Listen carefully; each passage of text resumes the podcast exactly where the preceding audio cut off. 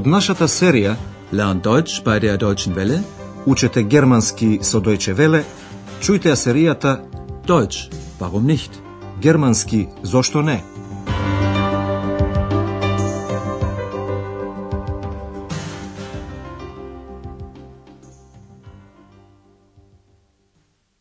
Liebe Hörerinnen und Hörer. Добар ден, почитувани слушателки и слушатели. Денеска ја слушате третата лекција под наслов Хотел Европа, Хотел Европа. Дали се сеќавате за вежбите од последната емисија?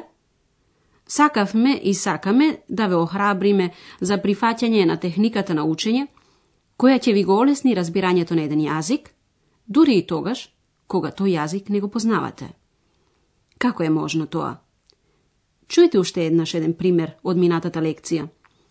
Направете напор да забележите што се ви текнува при слушањето. Eine Vorlage geben, dann abgespielt zu Breme. Breme, was macht er? Tor! Tor! 2 zu 0 durch Breme! Tor! Welt ein Tor! Ein italienisches Tor! Сигурно ви текна за што станува збор. За фудбалски надпревар.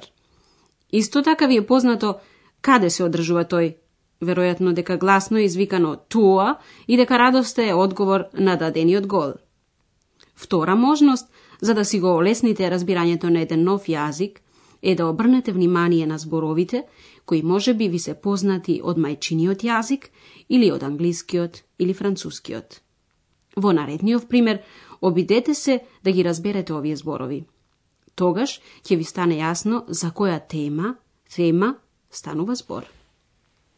Thema unserer heutigen Sendung ist eine Reportage über Studenten, die Philosophie und Medizin studieren.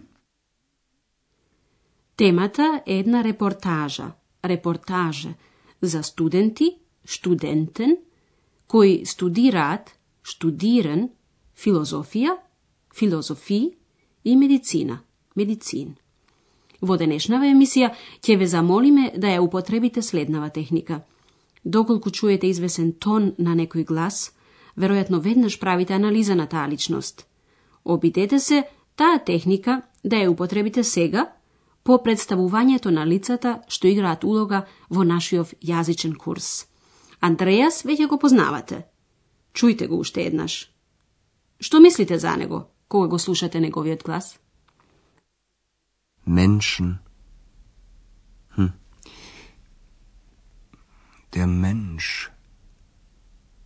Hm. Wie ist der Mensch? Значи, тоа е Андреас. Тој е помлад маж, веројатно на околу 25 години. А може би гласот ве подсетува на некој познат, кој ви е симпатичен. Андреас во почетокот ќе ви се представи во учтива форма со хер, хера, а потоа со име и презиме. Das ist Herr Schäfer. Andreas Schäfer. Втора личност во нашиот јазичен курс е господин доктор Тирман. Што откривате за него во наредниот диалог? Ach, Frau Müller, wie geht's denn? Danke, gut. Äh, Wie? Was sagen Sie? Mir geht es gut. Danke. Господин доктор Тирман, сигурно откривте, е повозрасен од Андреас. Секако дека забележавте, оти тој зборува гласно. Има проблеми со слухот. Може би забележавте уште нешто. Например, дека доктор Тирман е срдечен и добар човек. Или мислите поинаку. Во продолжение на радиокурсот ќе се открие точноста на вашите забелешки. Господин доктор Тирман сега ќе ви се представи со својата титула и презиме. Das ist Herr Dr. Thürmann. А сега третата личност што учествува во нашиот радиокурс.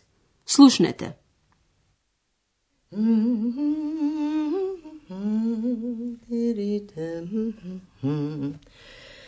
Die Gedanken sind frei, wer kann sie erraten? Sie fliegen vorbei Wie nächtliche Schatten. женски глас или глас на 40 годишна жена. Веќе забележавте со кое хоби се занимава. Господја Бергер пее со задоволство. Таа ќе ви се представи во почетокот со господја, фрау, а потоа со име и презиме. Das ist Frau Berger. Lisa Berger. Чујте го гласот на уште едно лице. Ach nein, schon wieder so ein Zimmer, so ein Mist. Жената е очигледно лута. Веројатно тоа го забележавте по тонот на гласот. И таа ќе ви се представи со име и презиме. Das ist Hanna. Hanna Klasen.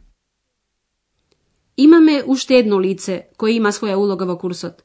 За жал, тоа не може да се карактеризира како личност. Идентитетот му е познат само на Андреас. Чујте го гласот и размислете на што ве подсетува тој. Ich.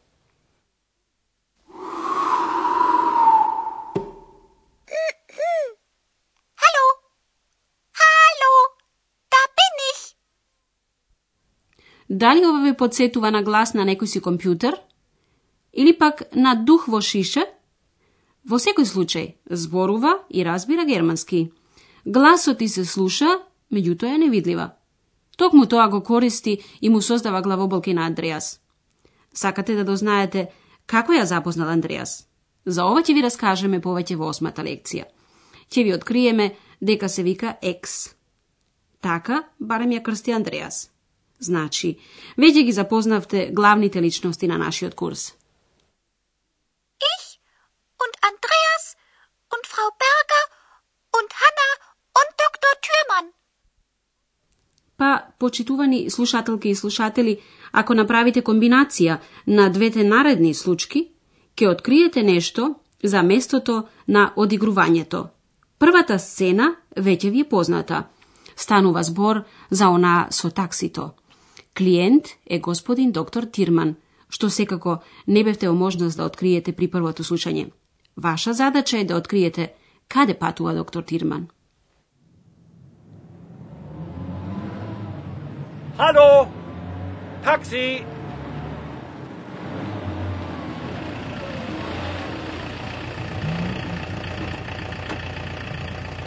Guten Tag.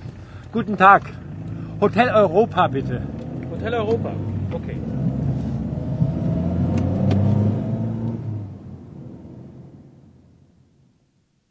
Доктор Тирман му кажа на такси возачот дека сака да биде префрлен во Хотел Европа. Хотел Европа. Да прејдеме на втората сцена, на телефонскиот разговор меѓу Андреас и доктор Тирман. Ваша задача е да го откриете местото на разговорот. Обрнете внимание на Андреас.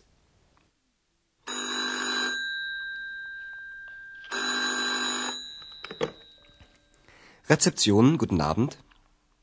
Wer ist da? Rezeption. Hotel Europa. Wer? Wie bitte? Hotel Europa. Rezeption. Хотелот Европа веќе ви е познат. Андреас се пријавува на рецепцијата, рецепцион. Значи, сцената е Хотел Европа, а Андреас таму работи како портир. Господја Бергер е шефица на хотелот. Хана е собарица. Во денешнава емисија чувте неколку нови работи, кои сега ќе ви ги објасниме подетално. Да ги разјасниме структурите.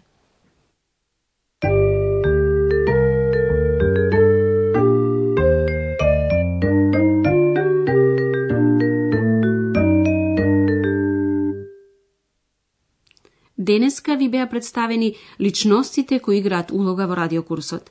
При представувањето почнуваме со тоа е. Das ist. Das ist. Das ist. Потоа се кажува името. И за тоа има неколку варијанти. Некого можете да представите само со неговото име, што е вообичаено во круг на пријатели. Das ist Andreas. Das ist Hanna. Некого можете да представите со име и презиме. Das ist Andreas Schäfer. Das ist Hanna Klasen. Некого можете да представите само со неговото презиме. Тогаш се вели господин, хер, кај мажите, или господја, фрау, кај жените. Das ist Herr Schäfer. Das ist Frau Berger. Некого можете да представите и со неговата титула, што е посебно учтиво, на што некои му придаваат голема важност. Das ist Herr Dr. Thürmann.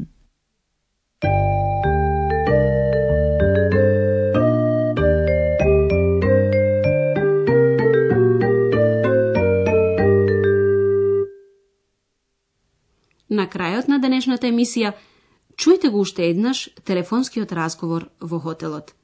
Сите детали не ви ги објаснуваме. Важно е да ја разберете општата ситуација. При тоа ќе ви помогнат одредени прашања, како на пример, каде се одигрува настанот, за каква ситуација станува збор, кои лица разговараат, што велат тие. Мислете токму на овие прашања при слушањето на телефонскиот разговор.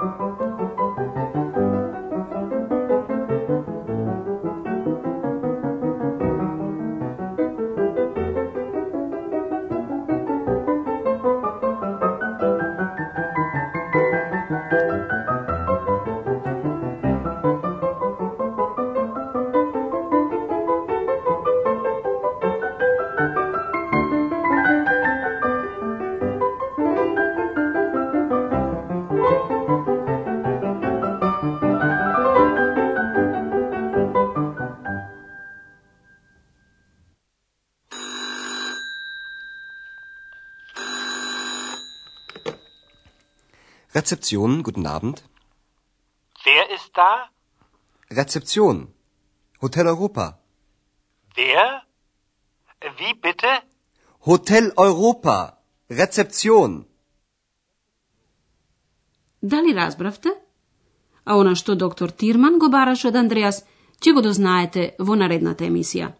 А тотогаш до слушање. Bis bald. Auf Wiederhören. Тоа беше германски Зошто не? Радиоговорен курс на Херат Мезе во продукција на Дојче Веле и на Гетовиот институт од Минхен.